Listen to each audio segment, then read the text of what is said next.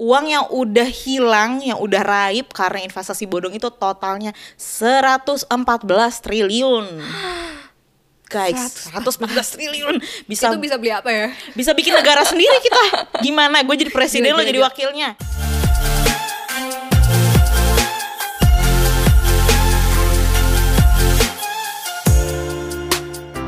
Sobat Ipot, kembali lagi di Spot Ipot, podcast milik Indo Premier Sekuritas yang mana kita bakal bahas serba-serbi tentang dunia perinvestasian agar semua bisa investasi.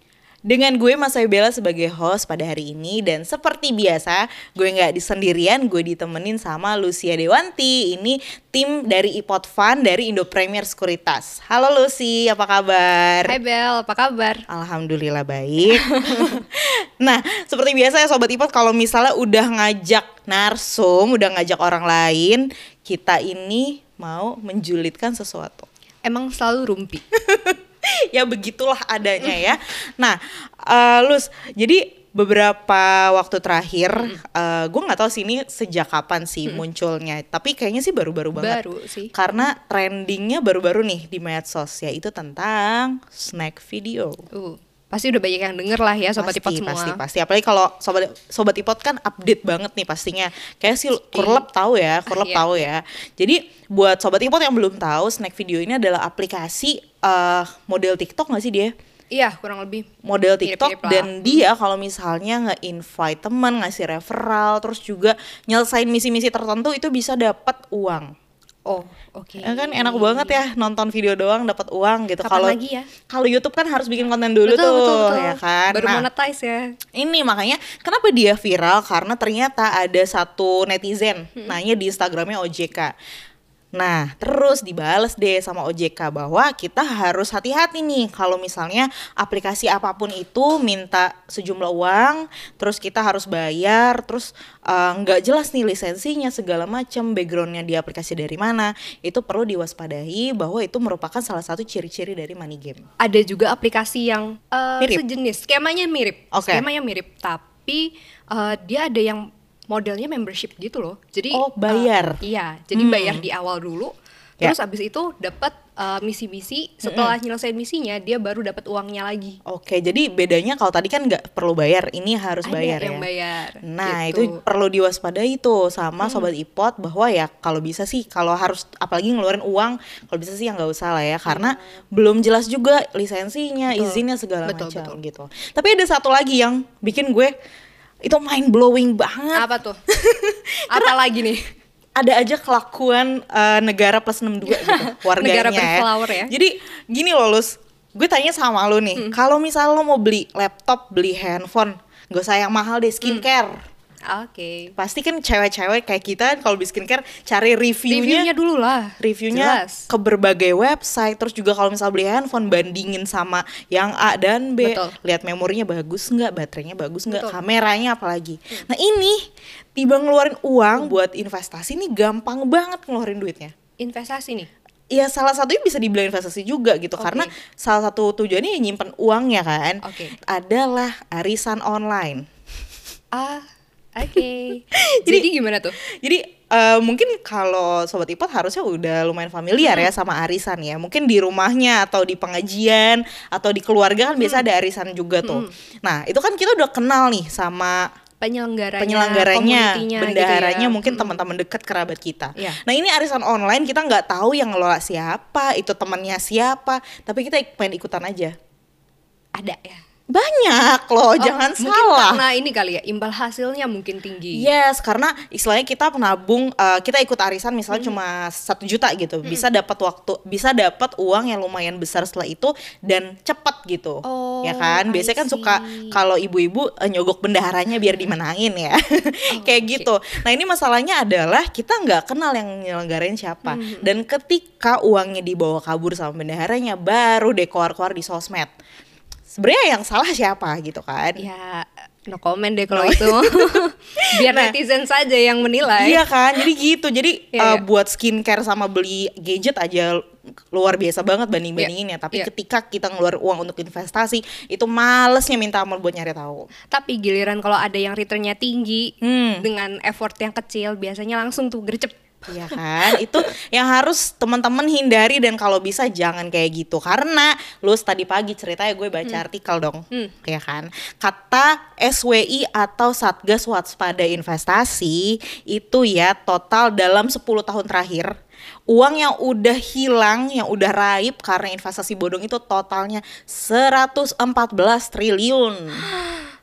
Guys, 114 triliun. Bisa itu bisa beli apa ya? Bisa bikin negara sendiri kita. Gimana? Gue jadi presiden Gila, lo gila, jadi gila. wakilnya.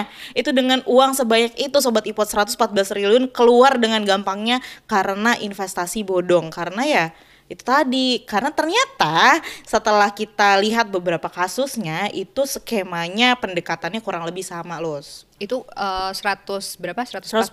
114 T itu pasti dari hasil laporan kan belum yang belum lapor nah kan setuju setuju setuju itu dari yang lapor dan mungkin kasusnya diproses sama kepolisian betul kalau misalnya enggak Iya kan, karena kan ada mungkin ya udahlah nggak usah lah, Iya, udah iya, iya, ikhlasin iya. aja. Iya, itu iya, mungkin bisa lebih banyak lagi gitu. Setuju, setuju. Karena ternyata setelah kita lihat dari beberapa kasusnya, pendekatannya kurang lebih sama.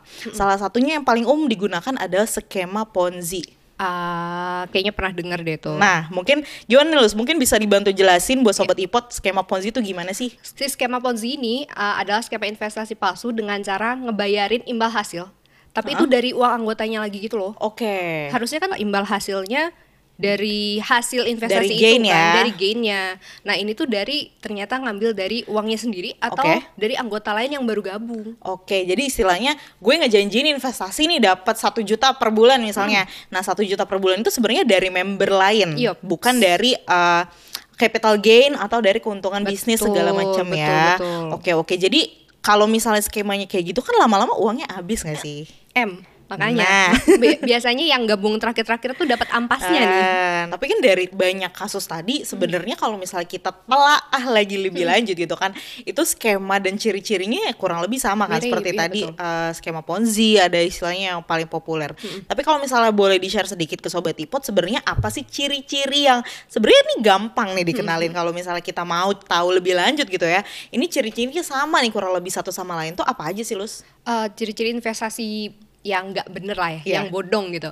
Eh, yang pertama biasanya dia me- memberikan janji imbal hasil yang tinggi. Janji manis? janji manis palsu. Oke, Gitu. terus terus Eh, selain itu juga biasanya tidak tercatat di OJK. Ini juga penting Hmm, sih gitu kan karena ya. kayak si snack video itu kan nggak terdaftar juga kan di OJK. That's why eh, dibilang ilegal sama Yes. OJK-nya.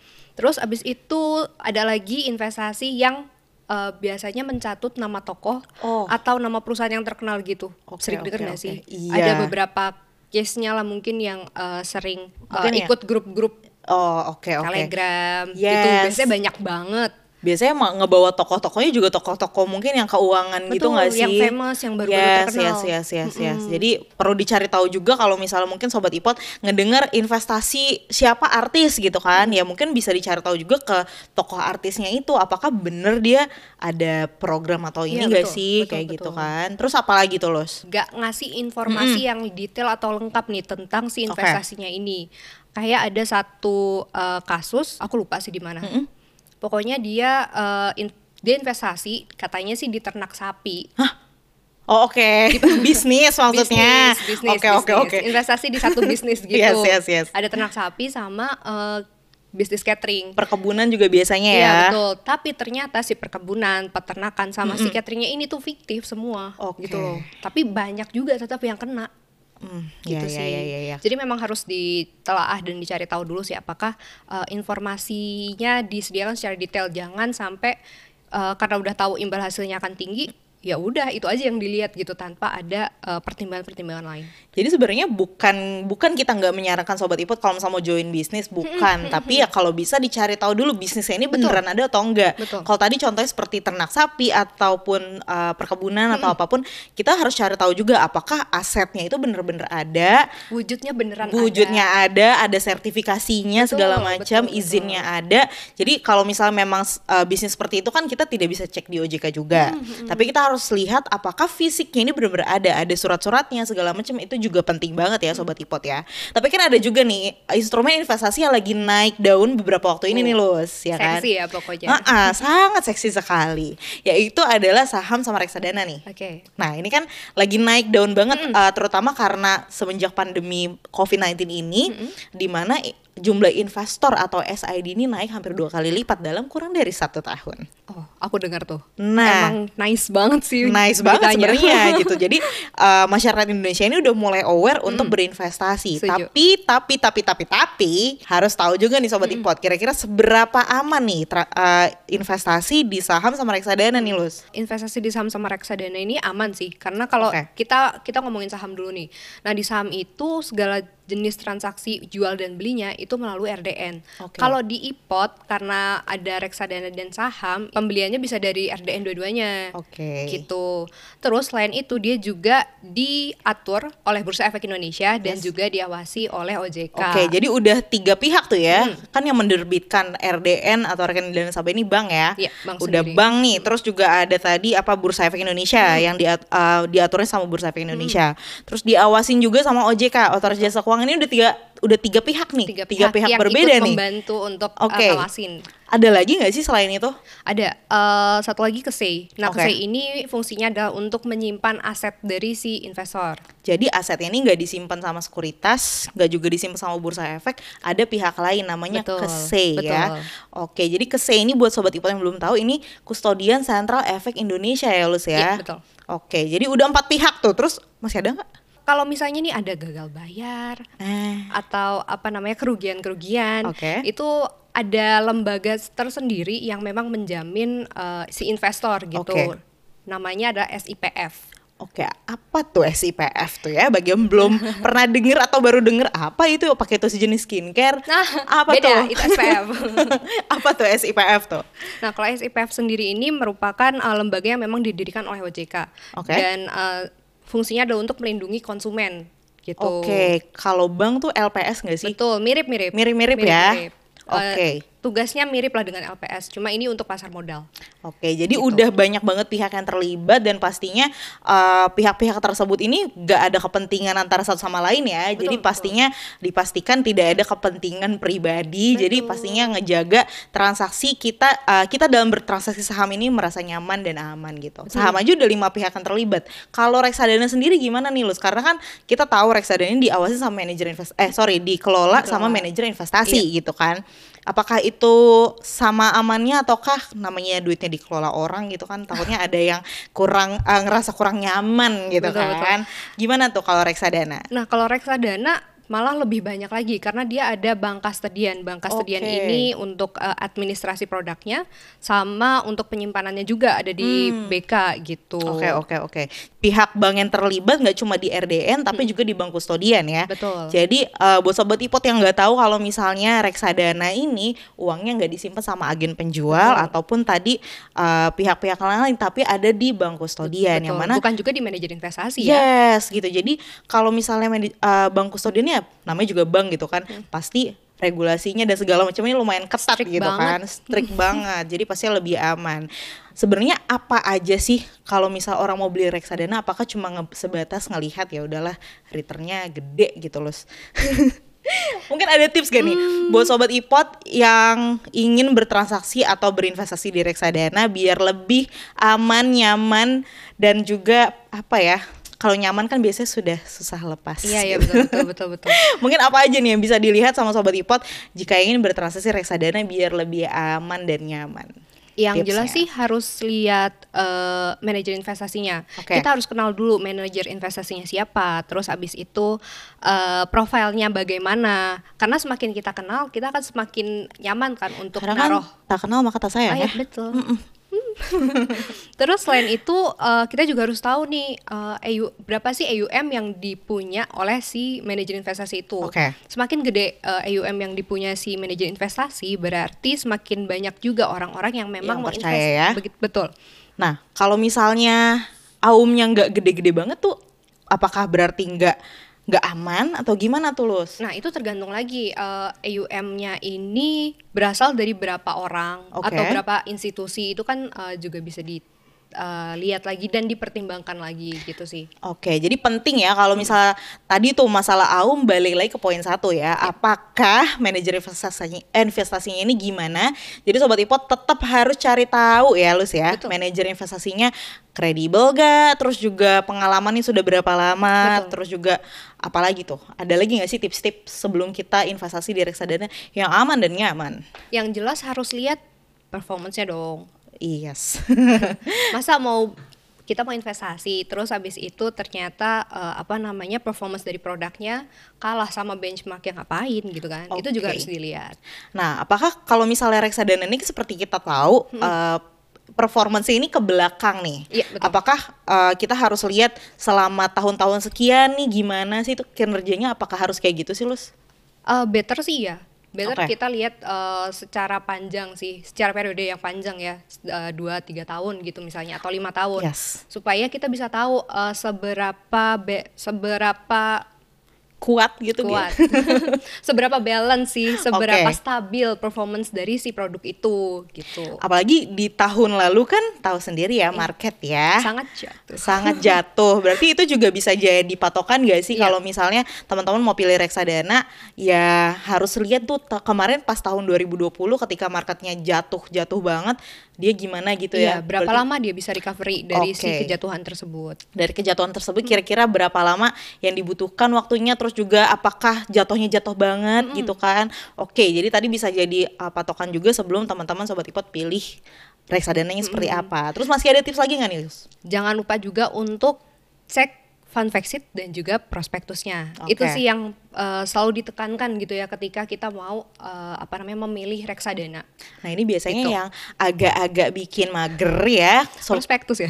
iya karena skripsi Iya, nah iya. itu yang biasanya juga sobat ipot mager nih karena kalau udah baca suruh baca kan males ya. Iya. Apalagi mungkin Tebel prospektus banget. tebel banget gitu. Tapi sebenarnya uh, itu wajib banget sobat ipot buat dibaca-baca dulu gitu kan karena ya informasi seputar produk semuanya dari A sampai Z ada di situ Betul, gitu. setuju. Tapi apakah apakah dari semua yang panjang itu harus dibaca semua atau enggak sih Lus? Paling ini sih kayak kebijakan investasinya. Oke. Terus abis itu strategi investasi yang akan diambil sama si MI-nya akan seperti apa sih? Dan yang jelas profil dari manajer investasinya tuh uh, bagaimana dan seperti apa.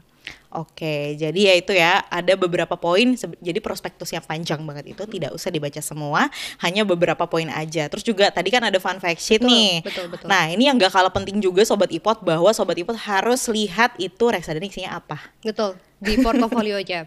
Karena biasanya di sheet tuh dilampirin 5 sampai 10 uh, Oke. portofolio gitu loh.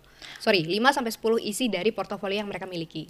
Oke, jadi karena kalau misalnya kita bisa lihat juga apakah Hmm. uh, isi portofolio mungkin ada saham ataupun obligasi, ini apakah sahamnya bagus nggak nih? Iya, ya betul. kan? Betul. Uh, mungkin kelebihannya juga kalau menurut gue pribadi nih Lus ya, reksadana ini efeknya udah dipilihin sama sama Bener fund banget. manager. Bener banget. gitu Apalagi kan. uh, fund manager atau uh, si perusahaan manajer investasi ini kan biasanya udah bukan biasa ya, memang harus Yes. ada izinnya. Terus Betul. abis itu uh, yang kerja di sana juga harus ambil lisensi. Itu kan Oke. berarti udah secara profesional mereka akan mengelola keuangannya gitu kan. Oke, jadi ya pastinya kalau misal sobat ipot uh, tadi tuh balik-balik lagi, jangan kalau misal mau beli skincare sama beli gadget doang gitu kan, eh Allah galak banget gue. Agak galak sih, Bo. Harus galak karena balik lagi tuh tadi 114 triliun Iya, iya, Lus, iya. ya ampun itu kan banyak Sedih banget sih. sedih banget karena pastinya kita di sini dari ipot nggak capek-capek buat mengedukasi sobat Iya. ipot biar investasinya makin nyaman dan aman karena Betul. balik lagi tadi 114 triliun semoga itu jadi yang udahlah nggak usah nambah-nambah lagi ya Cukup sampai di situ aja. cukup gitu sampai di ya. situ aja karena uh, itu dana yang banyak banget Betul, dan betul. pastinya kita nggak capek Setuju. balik lagi ya untuk ngedukasi sobat ipot. Betul. Nah itu dia beberapa tips dan juga informasi buat sobat ipot biar transaksinya makin aman dan nyaman karena baik lagi ya investasi itu butuh kenal butuh tahu biar sayang biar nyaman gitu kan Benar. biar nyaman Bener-bener. investasinya jadi ya jangan lupa buat jangan males cari tahu ya Lus ya Jangan capek buat belajar pokoknya. Jangan capek buat belajar setuju banget karena di IPOT ditemenin journey investasinya dari awal sampai Yoi. akhir biar makin cerdas dalam berinvestasi karena semua bisa investasi sobat IPOT jadi jangan minder lah kalau misalnya baru belajar sekarang-sekarang ya. Iya, betul. Oke, nah Lucy terima kasih banyak. Terima Udah kasih Bella sudah mengundang saya hari ini. Iya, walaupun kita berjulit ria ya, Iya. nggak apa-apa ya. Tapi julitnya kan manfaat buat sobat Semoga Ipot. bermanfaat sih ya. Semoga bermanfaat. Oke, terima kasih banyak juga buat sobat Ipot yang udah dengerin dari awal sampai akhir kita ngoceh ngoceh nggak capek-capek nih kayaknya Hmm. ya. Dan juga semoga bermanfaat buat sobat Ipot karena percaya banget deh pokoknya semua bisa investasi walaupun baru belajarnya sekarang it's okay. Iya. Yang penting jangan males buat belajar dan cari tahu. Kalau gitu, saya Mas Ayu Bella dan Lucia Dewanti dari Indo Premier Sekuritas pamit undur diri. Kita ketemu lagi di episode-episode selanjutnya. Kalau gitu, sampai jumpa sobat Ipot. Bye.